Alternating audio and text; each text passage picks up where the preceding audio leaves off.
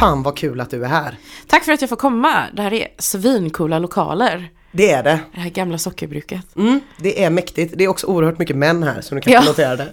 Ja. Det är i princip olagligt att ha bröst. Så vi kan känna oss lite så subversiva när vi sitter här inne. Sitter vi i, ett, i en liten skrubb Ja, längst in också. den, ja precis, den minst glamorösa delen. Medan männen vräker ur sig där borta. Ja, skönt för dem eh, och ganska mysigt för oss ändå. Ja. Jag har ju typ tusen grejer jag vill fråga dig. Mm. Men jag tänkte att vi börjar längst bak liksom. Vad var din relation till stand-up innan du började med det? Oj, ehm, faktiskt egentligen av en händelse så såg jag en film igår som, hette, som heter Bulletproof med Damon Wayans och Adam Sandler. Och jag kommer ihåg, det är typ en av, ett av mina första humorminnen. Um, ett av de första då jag liksom typ kom ihåg att jag tyckte att en film var rolig. Och att jag tyckte att en person var rolig och det var Adam Sandler. Och sen så gjorde jag typ research på honom och bla bla. Så såg jag att han var liksom ståuppkomiker och, och var med på SNL. Så jag, jag började bara mata en massa eh, stand-up. Och en massa sketch och en massa SNL liksom. Och sen alltså, alla de här amerikanska serierna och amerikanska filmerna. Lyssnade på stupalbum och allt sånt där. Så jag, jag blev ett stort fan av stand-up. Och jag ville göra det som folk gjorde på SNL. Och jag förstod inte riktigt vad det var. Så jag trodde att man, jag behövde bli eh, skådis. Eh, men jag vågade liksom inte provspela för, för scenskolan. Ehm, så det blev att jag läste management, hatade det i två år. Och sen så, eh, så såg jag Björn Gustafsson och eh, förstod att man kunde hålla på med humor i Sverige. Eh, och googlade lite och hamnade i Bungee Comedy, som han också gjorde. Vad är det för någonting? Det var en tävling, jag tror, jag vet inte om de kör längre, jag vet att de körde som senast kanske för två år sedan. Men det var en nybörjartävling. Jag vet inte, jag tror de körde kanske tio år eller något sånt. Och nästan alla, de nya har gått igenom det. Så typ Björn gick igenom det, eh, Petra Mede, eh, Karin Adelsköld var året då jag var, Petter gick igenom, Petter Bristav, David Druid, jag själv, eh, Maria Nyberg. Finns det fler som har gått? Elena Durier. Så väldigt många började sin standup-karriär där. Och då var det att man anmälde sig så fick man tre minuter på scen. Och det skulle vara de första tre minuterna man körde liksom. Och det var liksom en så här tävlingsgrej. Men jag kommer ihåg att det spelade inte så stor roll. Allt jag ville var att jag ville se om jag kunde få folk som jag inte kände att skratta. Um, och jag kommer ihåg att det gick eh, bra faktiskt, som vi sa innan. Det gick bra. Um, eller det var, jag var så otroligt nervös, gick upp på scen, ehm, körde, körde mitt första skämt, hörde skratten och sen så bara släppte allting och sen så kommer jag inte ihåg, och så, det enda jag kommer ihåg är att jag går av scen liksom. Men fan vad sjukt för att typ exakt så var det för mig med. det alltså, så- ja. Jag var så här, för att jag skulle ändå göra första gången i Majerna. Mm. Eh, och sa inte till någon att jag skulle göra det. För att jag ville exakt som du sa, se om folk som jag inte kände Ja. tyckte att jag var rolig. Om jag kunde ge tillräckligt mycket bakgrund för det liksom. Ja men precis. Eh, och sen var asnervös och bara så här, åh jag vill inte. Och sen så typ så fort jag gick upp, fick första skämtet så bara, så bara kommer jag inte ihåg någonting. Nej. Och så gick jag av och så bara var det en god känsla och så kom alla fram och sa att det var bra typ. ja men precis. Fan, ja. ja. vad sjukt, det var exakt samma. Men jag bara funderar på här, ehm, var det liksom människor runt dig då? För jag menar du anmälde dig ändå till det här. Mm. Det måste ju, liksom fanns det Kände du dig ensam i det eller var det Ja, någonting du absolut. och dina polare gjorde? typ? Nej, inte alls. Jag var typ den enda i min grupp. Jag var lite så här, du vet, jag, jag är ju så här, jag kollade på så många sådana här amerikanska romantiska komedier och high school-filmer. Så jag castade mig själv nästan i rollen av kompisen. Eller av liksom så här, den där eh, den där eh, sarkastiska kompisen som vars syfte i filmen är att vara the comic relief liksom. Um, så jag liksom, jag tror jag castade mig själv i den rollen i mitt kompisgäng. Så jag blev liksom den som, jag hade väldigt roliga kompisar, men eh, jag blev den som försökte vara rolig. Jag, jag var den som aktivt hade skämt. Um, som liksom relatera till vår grupp och så. Men jag, kom, jag brukade förbereda i huvudet och sen säga det. Um, och uh, så jag tror att att det var, och sen så var det väl lite så att det var den här bekräftelsen av att, det var väl så jag fick bekräftelse tror jag, i, min, i mitt sociala umgänge. Så var det lite så här, ja men jag vill se om jag kan göra det för andra människor. Och eh, jag kommer ihåg att jag sa, jag berättade inte för någon. För jag ville, om det, om det gick dåligt så kunde det vara min lilla hemlighet liksom, som jag tar med mig till graven. Så jag berättade inte för någon. Um, och kommer ihåg att jag anmälde mig sommaren innan, eller innan sommaren. Och sen gick sommaren så åkte jag ut och tågluff och vad jag gjorde. Eh, kom tillbaka, hade glömt av att jag skulle göra det här. Får ett mail och, och eh, bara, men nu har du fått en bekräftad eh, tid och ett bekräftat datum. Eh, och kom ihåg att jag fick panik liksom. Och tänkte, fast jag tänkte aldrig att, att jag ska inte göra det här. Utan jag tänkte, hur ska jag göra det här? Eh, och så började jag skriva kommer ihåg att jag jobbade på det jag skulle säga. Um, och jag jobbade typ i två veckor på det. Jag visste att det var dåligt från början för det var något, jag tror att jag ville prata om skillnaden mellan att vara tjej och kille och kissa utomhus. Och att killar kan kissa lite var som helst. Och att tjejer eh, måste ta av sig allt och om de sätter sig så får de en brännässla i stjärten eller något sånt. Jättetråkigt. Eh, inte ett skämt. Um, men jag satt och skrev på det jättelänge och sen när jag blev färdig så tittade jag på det och jag bara, det här är inte roligt.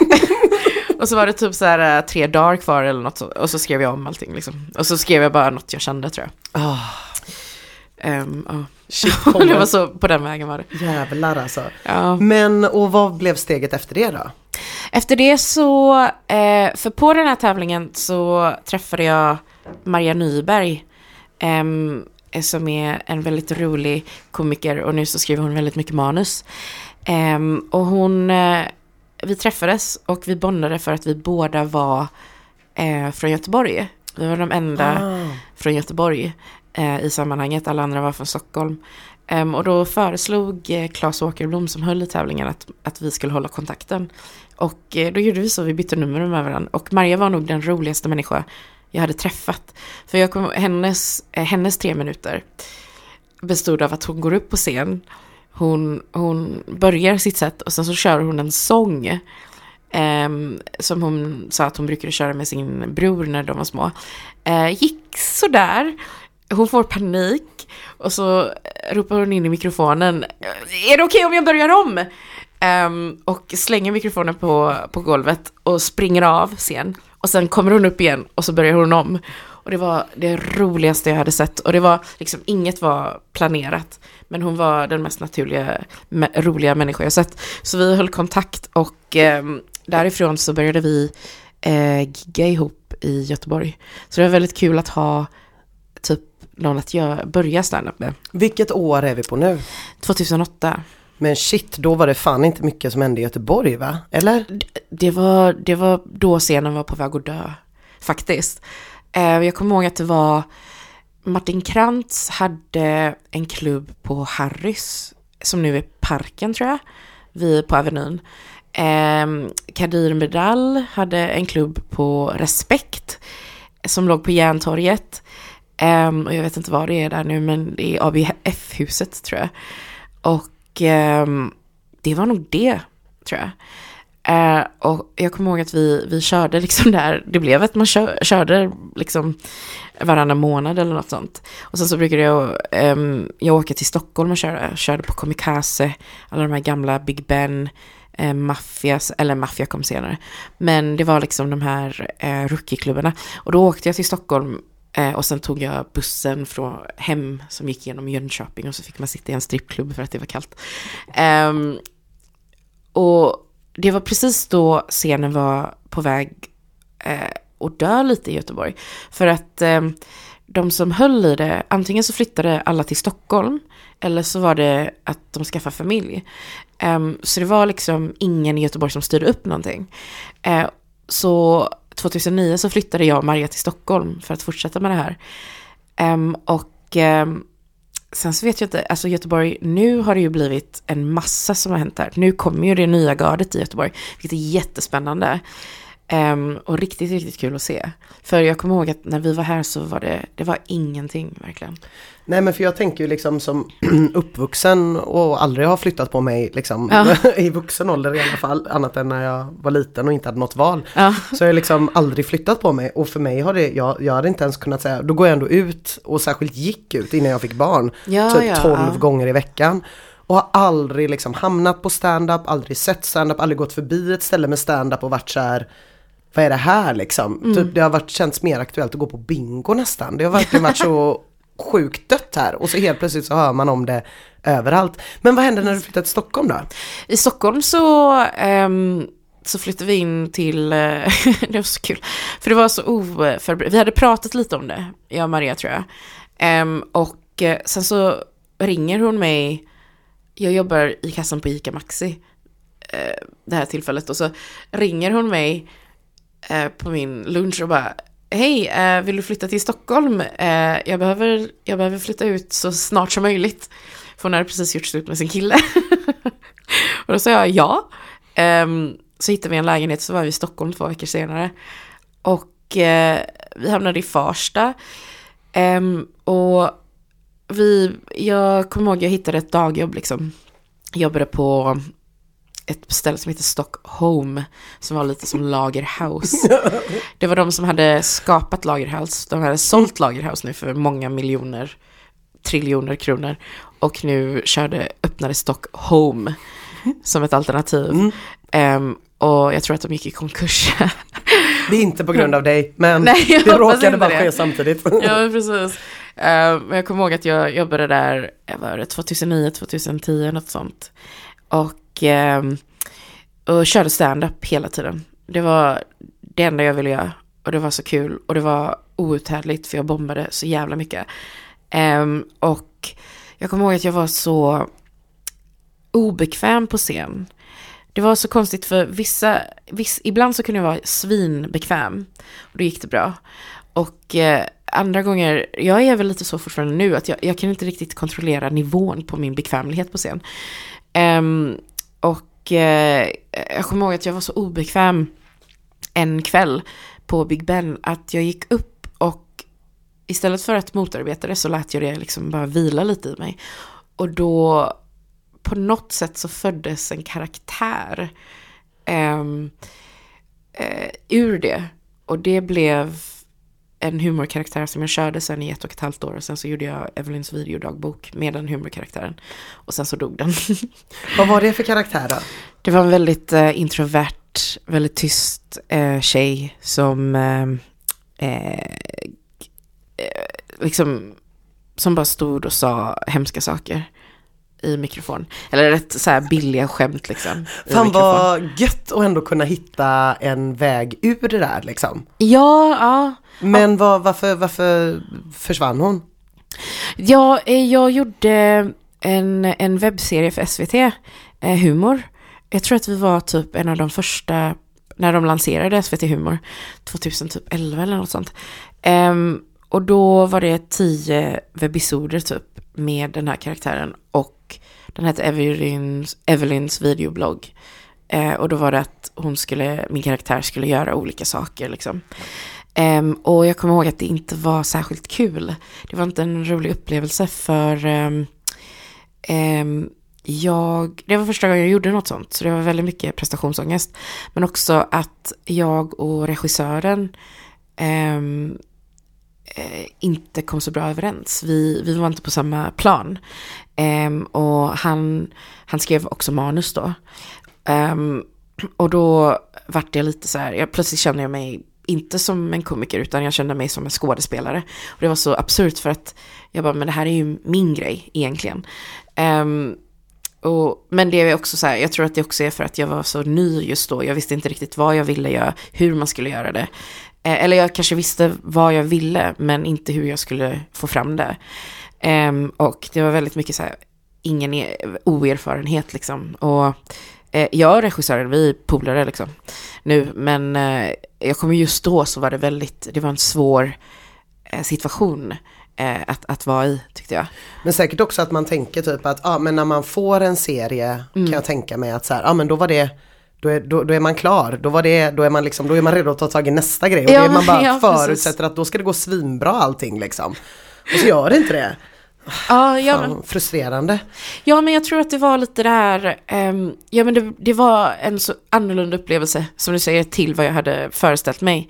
Ehm, och eh, ja, jag vet inte, sen efter det så var glädjen inte där i att, i att göra den här karaktären. Ehm, och jag ångrar det lite kanske, för jag, jag tror att om jag hade fortsatt så hade det varit, så tror jag att jag hade kunnat, det var något i det. Jag tror att jag var på väg någonstans med den.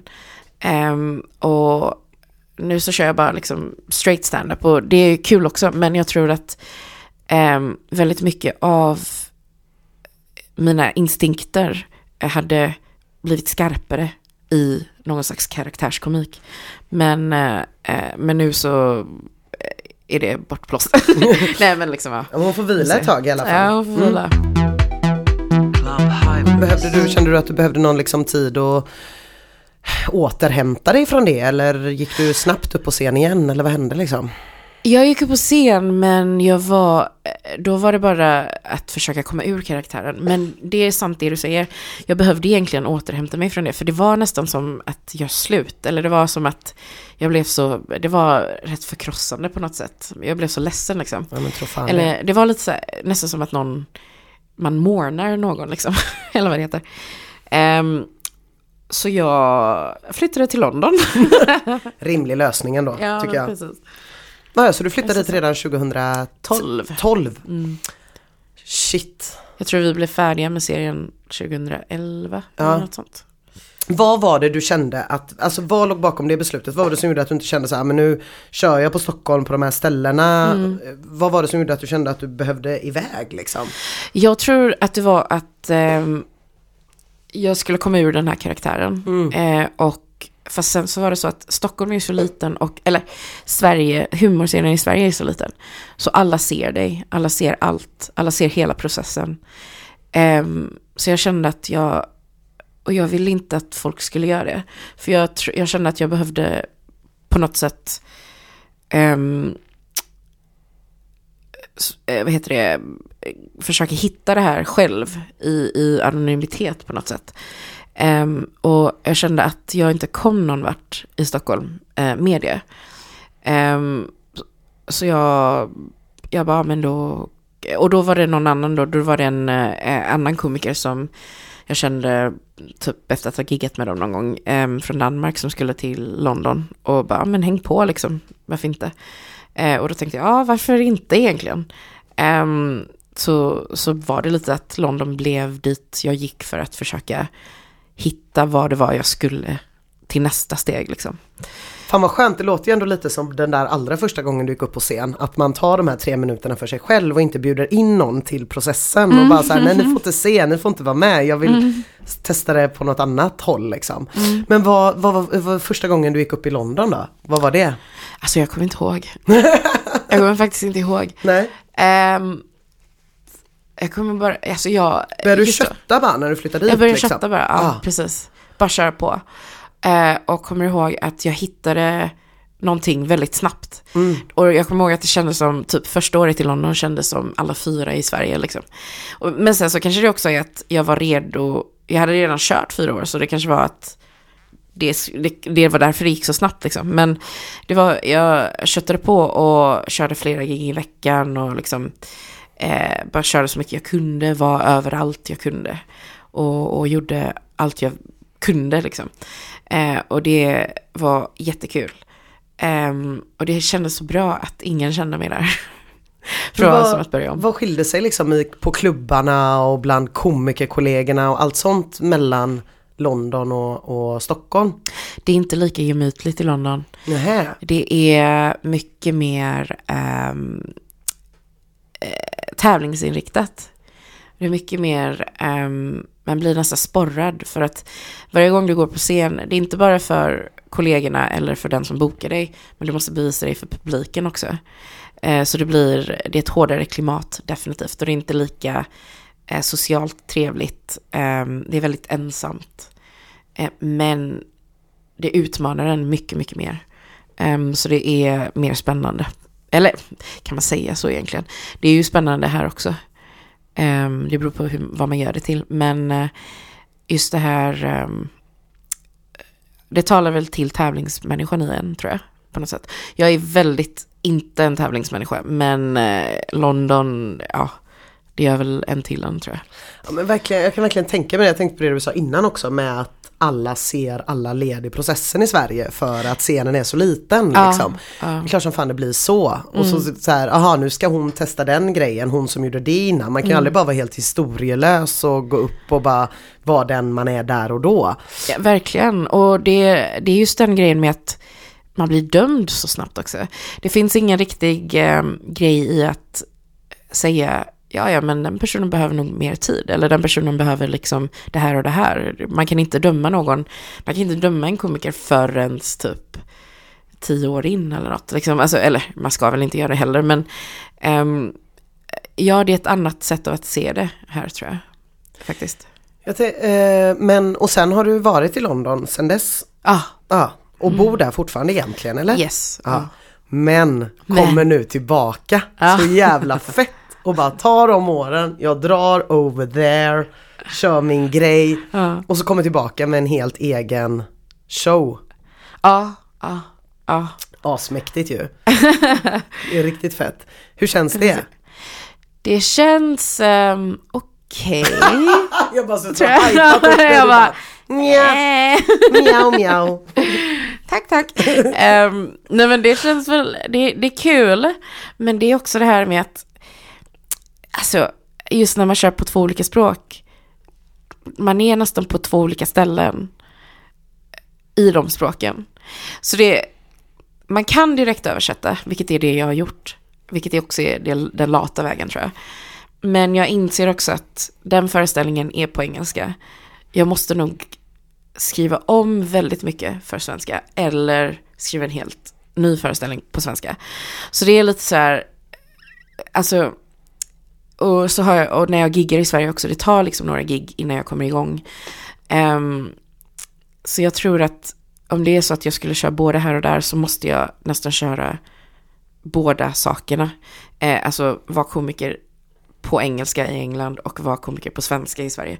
Så det blir att man, jag måste gå ner till Big Ben, typ kanske ta en vecka, komma hit, gå ner på Big Ben, prova de här nya sakerna jag skrivit på svenska. Okej, det här funkar. Och sen, eh, så jag, jag tror att det är lite det. Så det är väl den här grejen av att eh, framgångarna syns, men jag, jag vet inte riktigt om de går att översätta. Ehm, ja. Vi får se. Ja. Vad, hur, eh, hur känner du då med, med allt det här? Du har Alltså- kört en gång. Jag har kört en gång. Jag känner också att min in... Eh, några saker som... Jag är glad att jag körde så snabbt liksom. Ja. Vi började spela in podden och sen så var jag så här, ja men syftet med podden var att jag skulle stå på scen första gången i mars.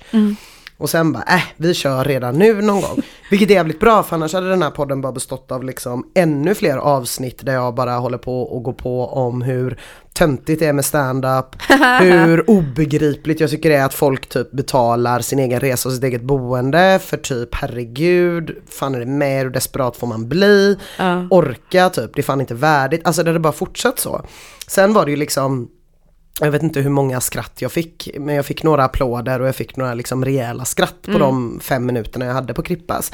Och man bara så här, eh, okej jag tar körkort nu, köper en bil som jag sover i och så åker jag runt i Sverige i jakt på att få mer av det. Alltså att det, blev, det var så jävla abstrakt innan hur Eh, för att eftersom att jag har stått på scen innan i helt andra sammanhang så trodde jag bara fan så jävla kick är det inte. Men det är ju det för att man säger det man själv vill säga. Inte typ och de nominerade är eller välkomna till mat och prat med Ina idag ska vi prata om. Alltså det var bara så en jävla skillnad. Så det är asfett men jag är fortfarande helt eh, virrig och obegriplig vad jag håller på med. Men jag mådde ju på ett sätt efter det, alltså den liksom, och det är ju deppigt förstås, men den gigantiska bekräftelsen jag kände. Ja, ja precis. Och det är liksom värdet jag kände. Alltså det var ju inte heller riktigt i proportion utan det var ju bara att jag blåste upp som en gigantisk ballong liksom. Ja. Och bara svävade över världen och kände typ att jag är den mäktigaste jäveln någonsin typ. Ja, Eh, inte helt förankrat i verkligheten men det var en känsla som man kände så här: okej den är knark.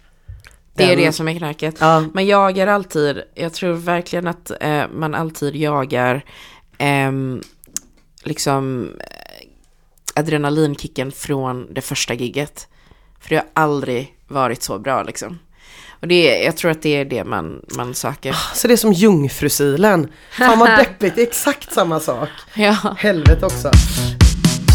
Jag funderar på en grej bara som jag är väldigt nyfiken på för att Ja. jag tycker att det är så jävla svårt själv. När jag skulle gå upp där på Krippa så var Emma så här, men har du skrivit nu då? Jag typ, mm.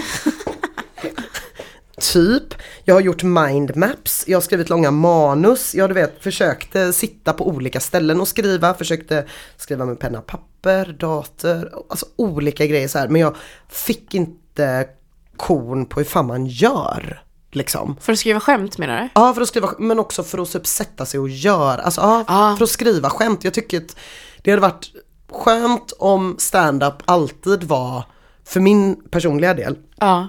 Typ improvisations-SM. Alltså, vi har, vi har pratat om det, Absolut, med, ja. jag och Emma. Och jag har någon sån här fängd idé om att jag skulle tycka att det var väldigt roligt att bli häcklad.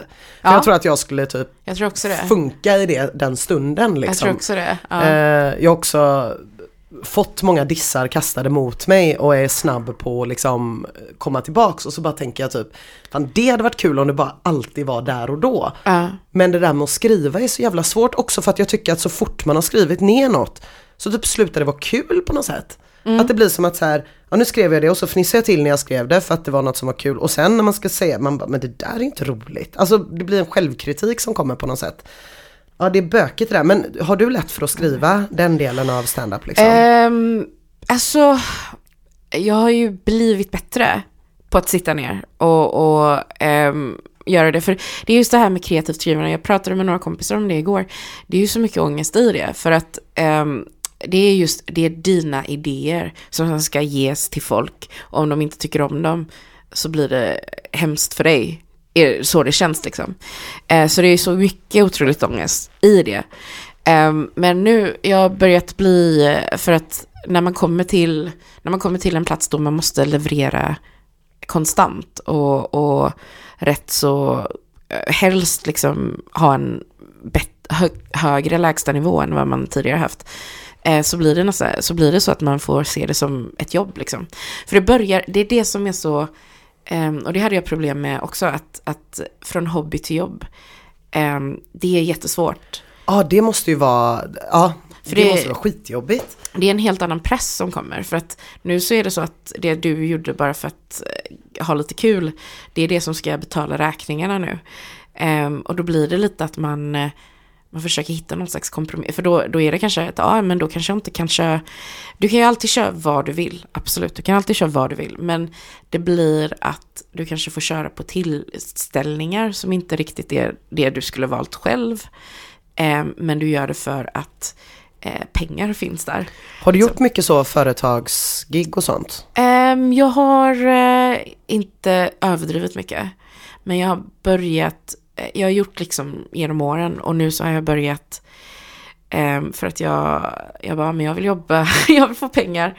Så har jag börjat tänka på hur jag ska kunna specialskriva lite mer för företag. Så att det är inte så mycket fitta. och mer eh, kines kanske. Ja. Ehm, men eh, eh, är det det de vill ha företagen? Mindre fitta, mer kines? Ja, precis. Mindre fitta, mer kines. Så jag tänker. Hybrids on the stage, come on let's meet at the club. Men jag, jag ehm, tror att du skulle lätt kunna improvisera. Det finns komiker som gör det. Det är bara det att det kräver övning. Och det, jag tror att du har rätt för själva grejen med stand-up är att det ska se spontant ut. Men precis! Och eh, sen när man förstår att det här är något som jag ska upprepa hela tiden, då blir det det att du blir skådisen i att försöka göra det, lura människor helt enkelt. Alltså det är det vi gör, vi lurar folk på scen. Ehm, vi kommer på, vi pratar, vi pratar lögn och vi beter oss lurigt. Ehm, men så det, det blir absolut tradigt och det är därför man, sitter, man, man försöker skriva så ofta som möjligt så att det ska kännas fräscht. Liksom. Men eh, så finns det folk som, som bara kör improviserat. Typ, om du någonsin har sett Al Pitcher skulle jag rekommendera honom. Han, nu så kör han ju lite mer material för att han kör sina föreställningar. Men jag kommer ihåg första gången när jag såg Al, det var typ, han var på scen en timme och allt var improviserat. Han pratade med publiken svin mycket eh, och improviserade på det och sen kom tillbaka till det. Så, så det är ju det, han har ju kört i typ 10 år i England innan han kom hit och nu är han väl inne på typ så här 17 år eller något sånt. Ehm, men just det, att, att prata med publiken. För jag har alltid sett stand-up som en konversation, men den enda som talar är jag. Eh, så jag har övertaget där. Men, men det, det är bara övning liksom. Och jag tror att om du vill göra det så ska du göra det. Och det är otroligt roligt, för det är då det känns som mest att man är komiker på något sätt. Man får till det där i stunden. Men jag tror också det är för att jag har, är så liksom sinnessjukt orutinerad också. så är det så här, eh, tanken på att liksom försöka skriva någonting och Ja. framföra det som om det låter spontant. Ja. Det är så jävla svårt. Ja. Jämfört med att tänka att, ja men jag vet ungefär vart jag ska liksom. Jag vet ungefär vart jag ska men Mm. jag säger det lite så som det kommer. För, Mm. Men jag, någonstans så känns det ändå som att så här, fan om man kan tänka i förväg och förkasta idéer som inte är bra och slipa på idéer men ändå få det att låta som att det är där och då. Då måste det också vara sån jävla magi liksom. Ja. Det verkar ju skitsvårt. Eh, Men nu är det här ditt jobb liksom. Ja. Jag har fått inse det. Ja. Tror jag. Ja, men jag, alltså, jag pratade, det är så kul. Jag hade 30-årsmiddag igår, eh, för jag fyller år i veckan nu. Och eh, mina vänner, för jag satt och pratade om det, jag, bara, jag hade ett dåligt gig i, i helgen och jag bara, alltså det var så dåligt och jag fattar inte vad som händer och bla bla bla.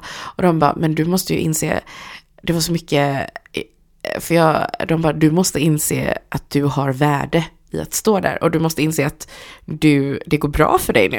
liksom. Och det, det var det att hon sa, min kompis Lydia sa att eh, den här underdog-känslan försvinner ju när saker börjar gå din väg. För som komiker så är det så, du står och, och bara liksom du står i motström, du står och slåss i motström, du står och stampar vatten i flera, flera år, i mitt fall nio år liksom. Um, och det, det är så du är van, du är van vid att vara underdogen. Som saker börjar gå bra för dig, vad fan, vad, hur ska jag relatera till det här? Och det, jag bara, eh, för jag har fått, alltså inte att det liksom går, eller jo men det går bra. Det Alltså, gör det. Det, går gör bra. det Evelyn. Alltså för, det är väl det att jag, jag får fler tillfällen till att göra saker som jag vill göra och jag börjar få, alltså jag får pengar för det, vilket är drömmen. Men jag vet inte hur jag ska, hur fan ska jag relatera till det nu då? Ja, Så nu måste jag försöka, nu måste jag ställa om min självbild ja just det. för att matcha verkligen Ja. på något sätt. Gud vad svårt. Ehm, ja, Jag tänkte på, på, på en eh, annan grej också som Mm. jag har frågat eh, Emma med men som jag tänkte fråga dig med för att det här är någonting som jag funderar jättemycket på Ja. när du kör stand-up. Tycker du det är jobbigt att tänka på att eh, din mamma hör det? Ehm, det har vi passerat väldigt länge sedan. Alltså, Eh, mina föräldrar är kineser. så de, inte, jag, de kommer inte naturligt kunna höra saker jag säger. Men jag har också en grej att när jag står på scen så bryr jag mig inte.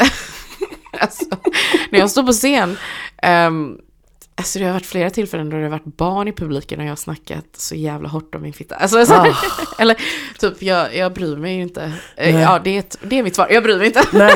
Åh gud vad skönt. Eh, Jag Är det vet, jobbigt? Jag, nej, lite jobbigt är det. Lite jobbigt är det. För jag har både barn Jag sitter så här. och, ja sitt så, gud herregud. Jag har både barn och Ja, en det. eh, mamma. Ja. En jättehärlig mamma. Hon har inte hittat podden än. Jag visade henne hur man la till den Ja. igår. Och jag har inte sagt så hemska saker här, det är inte det. Men det är bara så här.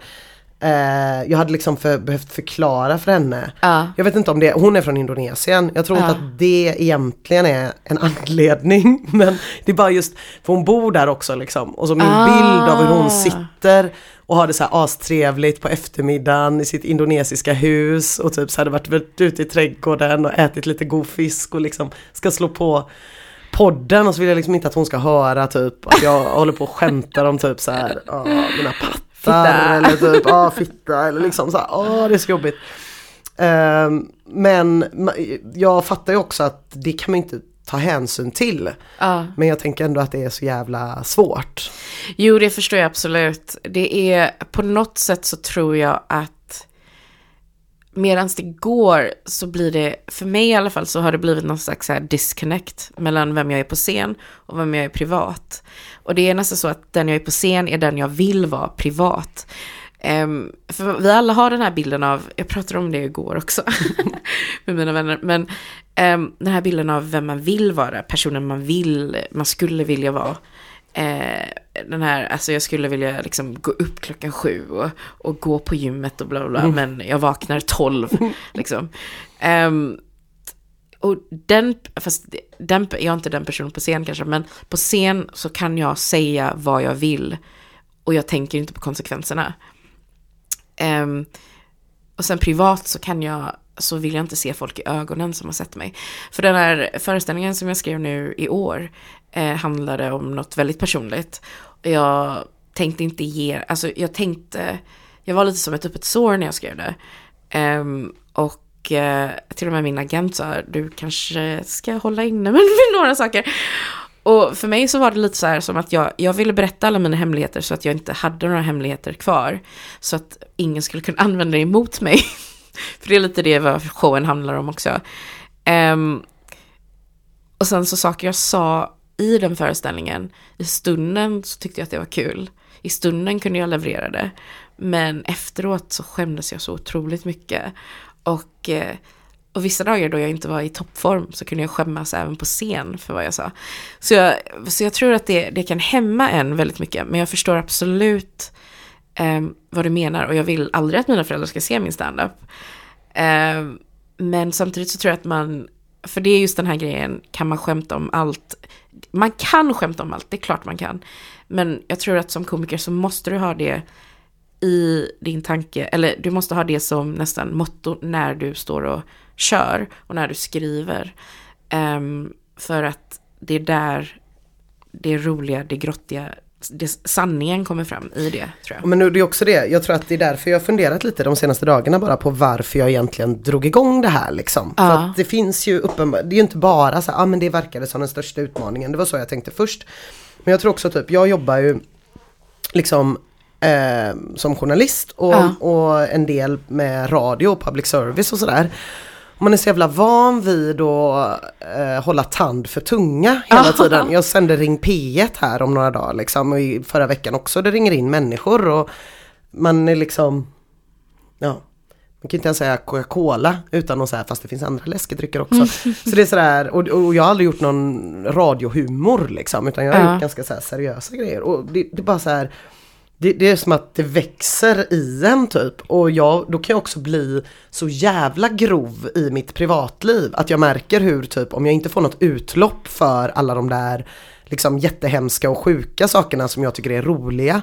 Eh, då slutar det med att jag liksom sitter och bara går på på krogen på typ några så här kompisar som bara blir så här mer och mer förfärade och till slut bara så här, men sluta nu liksom. Eh, och bara så här att, att, jag vet inte vad det är men det är liksom någonting i det där som också så här, det är bara känner att det, det, det måste finnas utlopp för den delen av en liksom.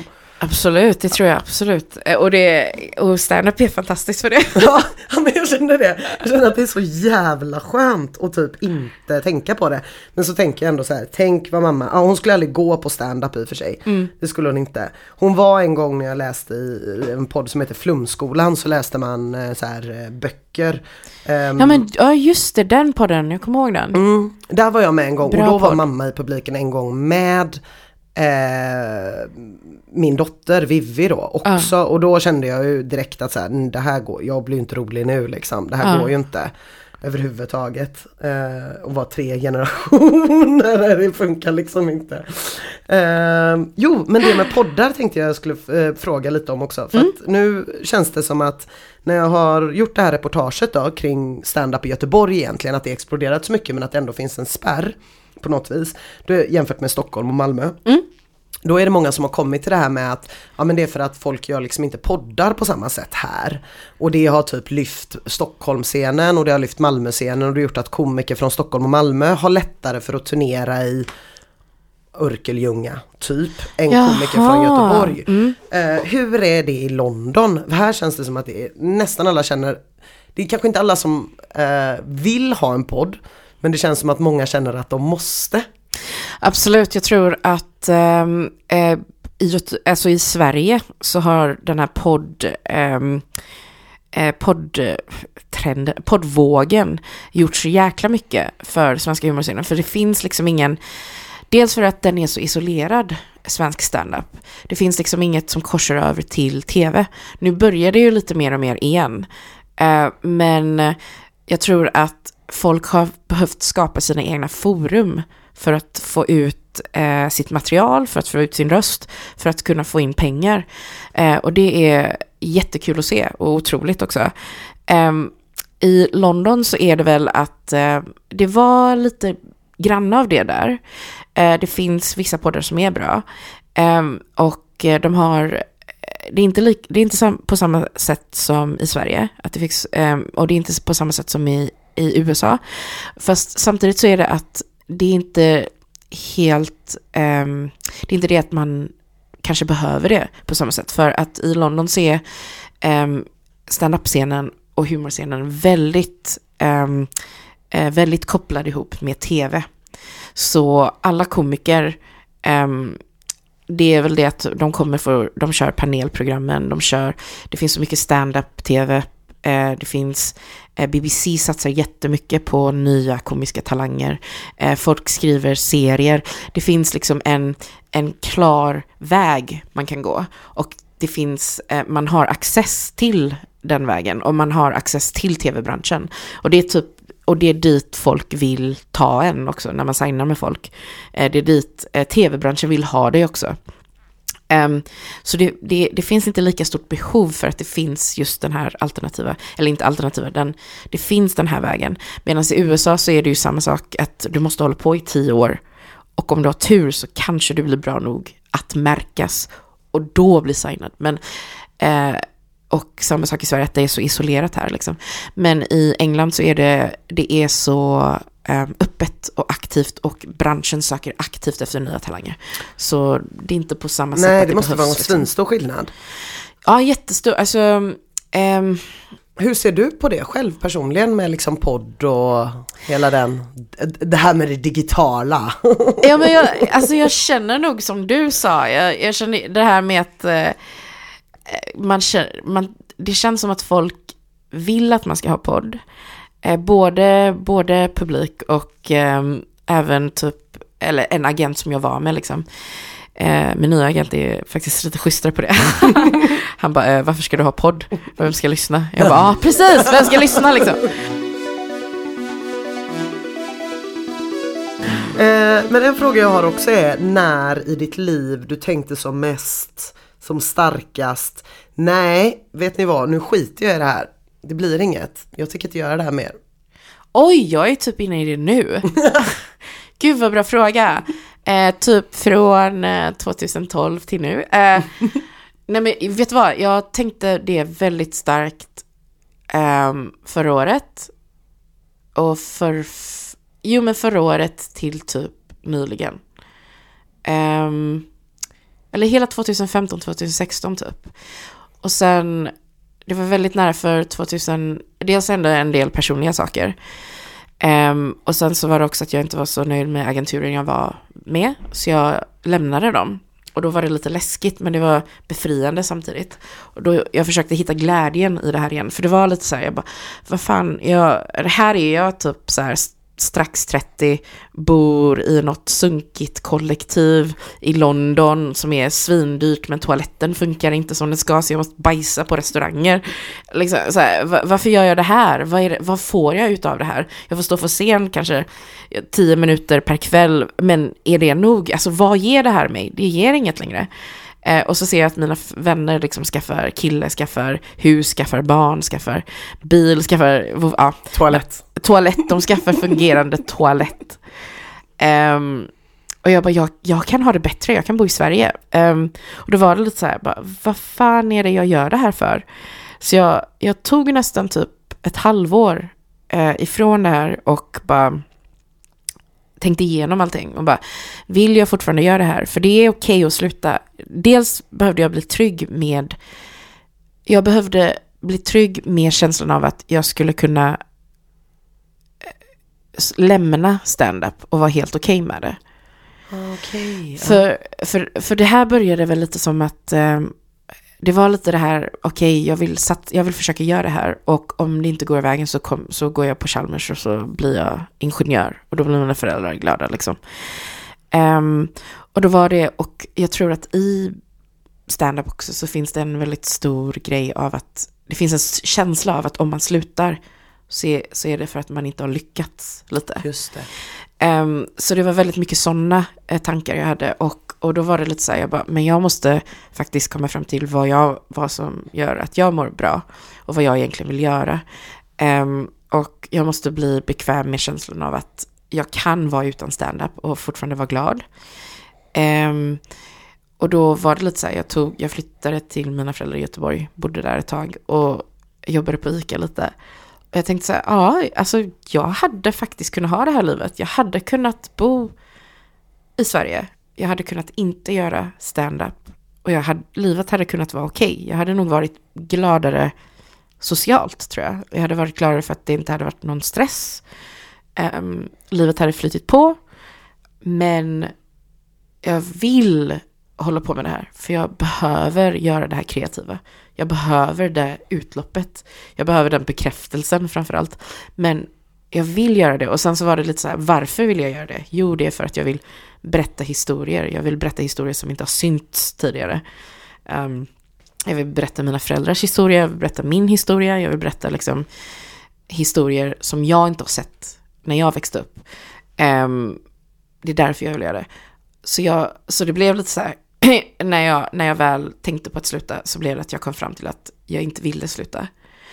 Um, men samtidigt när jag säger det så är det också det här med, det är så otroligt slitsamt. Um, jag vill, uh, jag har gett nio år nu av mitt liv till det här. Och det är först nu jag börjar få utkast av allt som jag har sått. Och också det här med att fan okej, då måste jag börja ställa om min självbild för att, för att kunna hänga på det här. Men eh, det är först nu det börjar ge utkast och, och också ärligt talat, det är först nu som jag kanske kan hantera utkasten den ge, det ger. Liksom. Det är först nu jag kommer kunna, eh, det är först nu jag kommer kunna göra eh, typ panelprogram om de ber mig. Eh, det är först nu jag kommer kunna köra stand-up på tv kanske om de ber mig.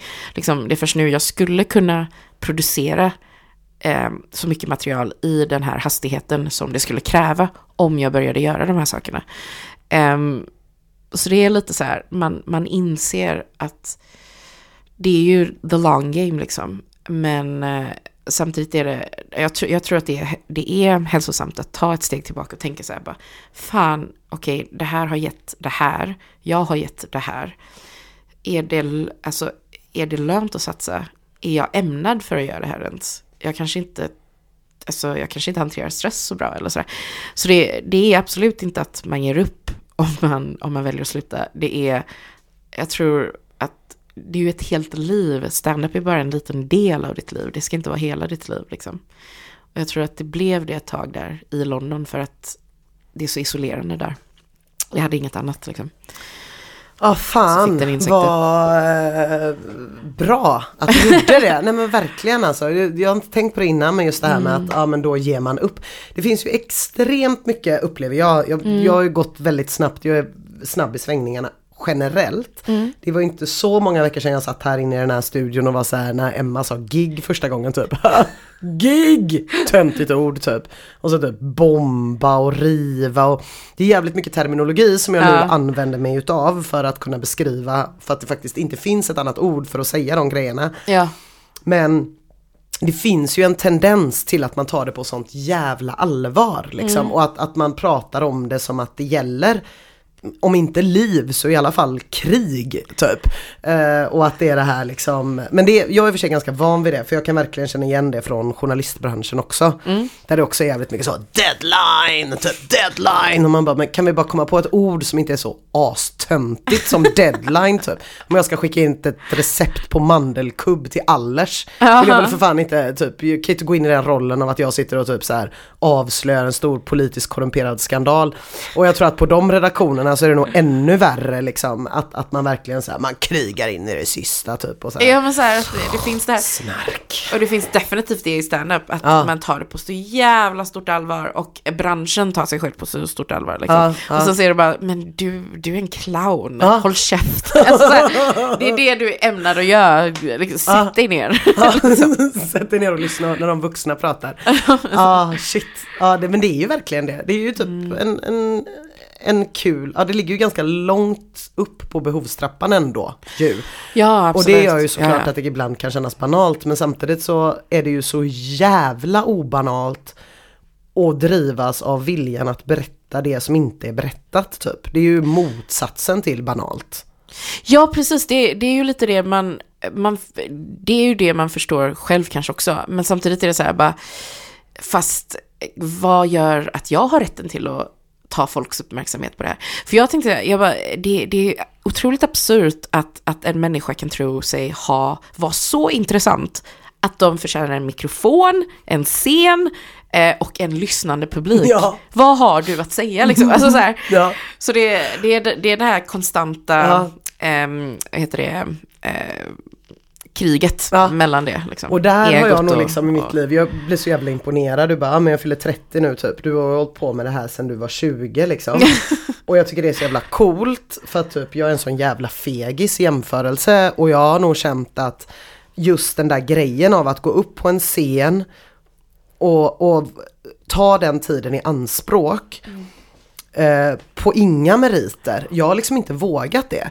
Utan det jag har gjort har ju varit att typ så här, ja men nu ska vi ha en föreläsning om liksom eh, det här och det här. Ja men då Ja. kan jag hålla den föreläsningen så kan jag vara lite rolig typ och tycka att det är egentligen helt fantastiskt och jättekul att få den tystnaden. Men har verkligen aldrig liksom vågat tro att den tystnaden eh, skulle kunna komma bara av att det är jag. Utan det är så här, ja, men jag har gjort research nu i typ 70 timmar. Eller Ja. typ som att skriva till exempel, vilket jag verkligen hatar att göra i alla sammanhang. Och jag har typ varit skrivande journalist nu i nio år. Det är det värsta jag vet liksom. Varje gång jag skriver så är jag bara så här, men vad är det här för jävla skit liksom? Varför ska jag sitta här och tycka? Och då är det så enkelt när man intervjuar andra ju. För då är det så här, ja men jag berättar din historia och jag berättar din historia, jag Ja, berättar men- din ja. historia liksom. Och det, det är inte jag som står där och tror att jag tar plats. Men nu, när jag är 33, 4, 83, 4, 34. Jag tror jag har sagt att det är 33 i massa andra sammanhang. 34 är jag fan med. Nu när jag är 34 så har jag kommit till en rad olika liksom eh, sådana grejer i mitt liv där jag har känt att så här, fan, det är ingen idé att gå runt och typ vara rädd för att bli tönt-shamed av sina polare. Ja, ja. Och det är det som är så ja. sjukt för att så här, ingen av mina polare liksom, ja men vi har en kultur kring oss som jag har pratat om i podden också som är att man men liksom tro fan inte att du är något typ. Ja. Och vilket jag också tycker är en superrimlig kultur som jag jättemycket har varit med och tonsatt svensk, säkert. alltså det är ju jantelagen. Ja liksom. men det är ju verkligen det. Och så, så här, när någon gör någonting så är man ju riktigt jävla snabb med att, att håna den personen. Mm, och det är nog ganska mycket också så här en eh, Ja det är väldigt svenskt. Jag tror också att det är många avseenden är en klassfråga typ. Om jag ser Ja, liksom absolut. vilka utav oss som är i den bekantskapskretsen som har kunnat lyfta oss lite ändå och faktiskt lite granna vågat. Även om jag inte har vågat hela vägen ut. Hade jag vågat hela vägen ut hade jag ju sökt till scenskolan någon gång i tiden. Men det vågade jag aldrig eller ens gått till teatergymnasium eller något sånt där.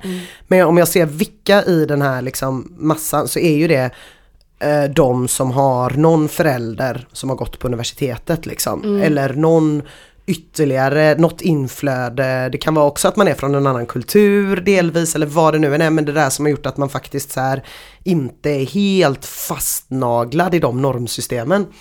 Så jag förväntade mig, jag berättade typ inte för några av mina kompisar att jag skulle börja med det här. För jag var så här, det här kommer, alla kommer tycka att det är så jävla töntigt.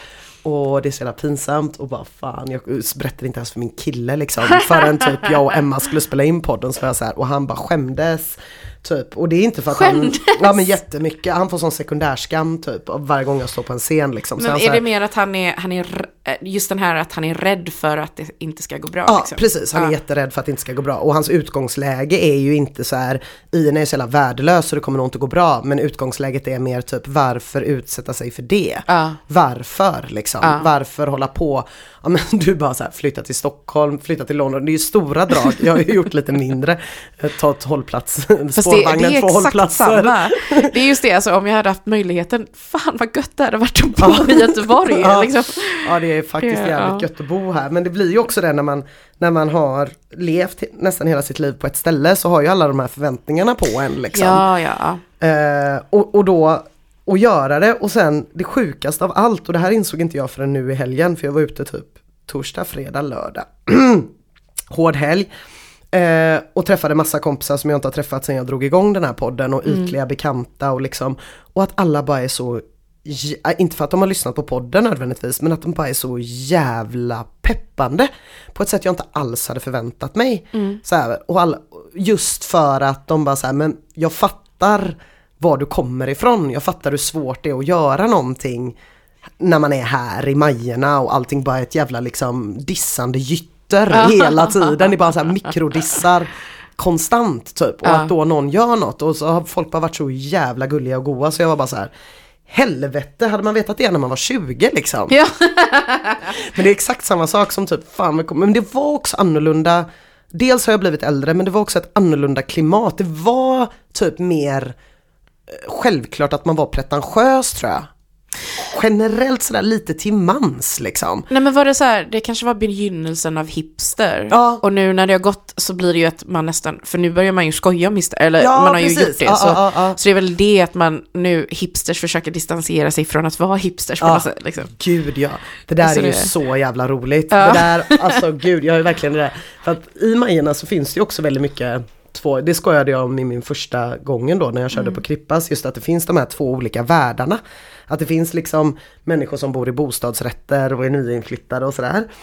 Och sen, men det är fortfarande typ 80% hyresrätter i Majerna. Och när de här två världarna möts så blir det så jävla mycket sjuka möten liksom.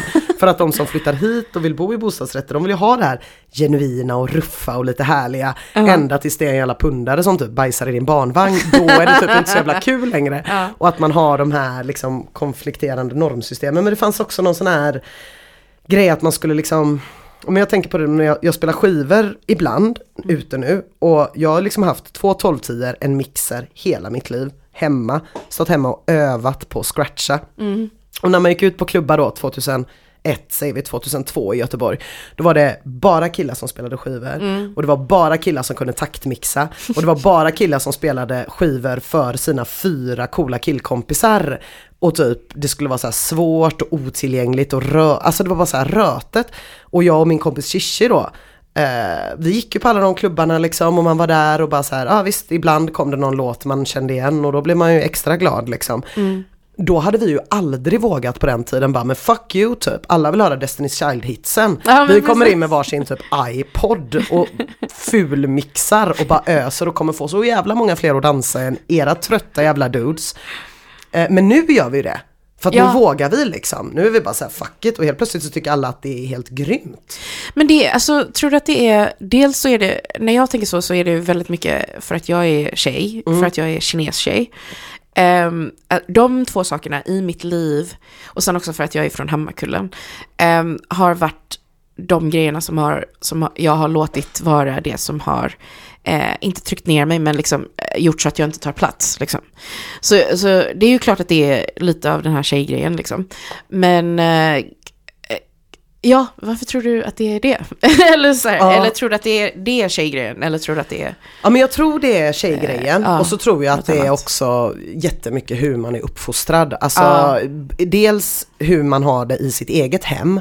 Om man har föräldrar som har varit så här typ eh, eh, men testa det här, testa det här, ditt liv, låt oss se, låt oss eh, se hur du når din fulla potential, min unika lilla slöflinga liksom. Eller om man har haft föräldrar som är lite mer så här typ, eh, okej, vad fan håller du på med, kamma dig och skaffa dig ett jobb typ, för att Ja, du kommer inte få precis. piss och skit härifrån Ja, liksom. ja. Innan. Det tror jag spelar stor roll, men under tonåren liksom så tror jag att egentligen ens polare är ännu viktigare. ja, ja, ja, Och den precis. kulturen man sätter där. Och det skiljer sig ju sjukt mycket mellan liksom Hammarkullen, Majorna, eh, Örkelljunga, Mm. eh, olika ställen. Vad är, vad typ flyger och vad flyger inte? Absolut. Och att, att vara typ en rolig tjej. För det har jag ju, det har jag ju varit liksom. Det är ju inte, eh, jag har nog inte, det var spännande det där du sa med casta sig själv. Ja. Jag bara var så här, fan känner jag igen mig i det? Men det gör jag nog inte. Men däremot har jag liksom umgåtts så mycket i helt manliga sammanhang. ja, Och ja. bara med män. Att så här, och eh, bli lyssnad på. Jag vet att de kommer inte ge mig lika mycket. Om vi, om, om vi översätter det här till humorspråk då. Mm. Jag kommer inte få någon sentid gratis. De kommer inte lyssna på mig när jag pratar. Ja. Eh, Jag måste formulera mig tydligt, Ja. jag måste vara rolig, jag måste tala med stark stämma och jag måste skita i om någon försöker komma emellan och säga någonting och bara mala på. Då kommer jag bli lyssnad på liksom. För det kommer jag inte bara bli. Alltså typ. gud, det är så intressant för jag har spenderat majoriteten av min tid med i tjejgäng. Och eh, det var det som var, när jag började med stand-up, jag fick ju, jag fick ändå killarnas uppmärksamhet för att jag var rolig. Eh, men av scen så har jag alltid varit väldigt ursäktande, alltid varit väldigt så här eh, att jag gör mig mindre. Och det är först nu vid 30 som jag börjar försöka ändra på det här och inse det liksom. Ehm, så det, det är otroligt intressant att, att du säger det, att just den analysen du har gjort liksom. Ja men jag tror, jag tror att det liksom, det, det är en bra, det är väl lite som att vara i London kanske. det är så här, mitt lilla London då, det är bara att umgås med sjukt mycket rakade Polare. killar som gillar Blåvitt. Det är lilla London och, och ta plats där typ. Ja. Eh, men fan på nåder liksom ändå. De få gångerna man har blivit uppmärksammad på det Ja. så blir man ju, inte av varje enskild individ, men som struktur så kan man ju känna så här, oh, okej, det, är- det är skitsamma liksom. Ja, nej det är jävligt spännande, men det som är så jävla fantastiskt är ju att för kvinnor, särskilt om man har liksom stått tillbaka tidigare i sitt liv på grund av samhällets normer eller ens föräldrar eller vad det nu kan tänkas vara liksom. När man får några år på sig så är man ju så orädd så att liksom man bara skrattar åt alla de här bajnödiga, ängsliga killarna som liksom eh, inte ja, fortfarande inte har blicken rakt fram. Utan eh, låter blicken hela tiden pendla sida till sida och kolla vem borde jag prata med, vad borde jag positionera mig, vad borde jag göra? Att man bara så här, man blir jävligt bra på att köra sitt eget race till slut. Även om det tar några år. Ja, Säkert. sant. Ha shit, men du, berätta Kul. vad vi ska se dig nu innan vi avslutar. Åh gud, um, när släpper du det här? Eh, på torsdag. Ah okej, men då har jag flugit tillbaka till... Nej! Eh, då, eh, jag kör eh, i veckan men jag torsdag, på torsdag, nej, jo, jo men vet du vad? Torsdag kväll så kommer jag vara på Kåken i Stockholm och spela in BC-podds sista podd någonsin. Så jag gör, gör reklam för en annan podd på din podd. Det går helt jävla utmärkt. Men det är um, Ahmed Bäran och uh, Branne Pavlovic podd. Martin Soneby kommer vara där, jag kommer vara där, eh, Felicia Jackson tror jag är där, Elin Sven, eh, Elinor Svensson eh, och några till. Eh, de ska göra en jättestor monsterpodd och sen efteråt blir det efterfest och eh, eh, blir kul. Så kom dit och lyssna på oss eh, grabbflabba. typ det vi kommer göra. Ehm, ja, det, det, där kan ni, kan ni se oss. Ja. Och, och även på Scalateatern den 15 och 16 december ehm, för en julbonanza. Fett. Så kom dit också. Mm. Fan vad roligt. Tack så jättemycket för att du kom Evelin. Tack för att jag fick komma, det här var jättekul Lena. Ja, ha det gött. Jag hoppas att det går bra, eh, det kommer gå jättebra för dig. Det ser man. Tack. Tack. Ja det vet jag lä.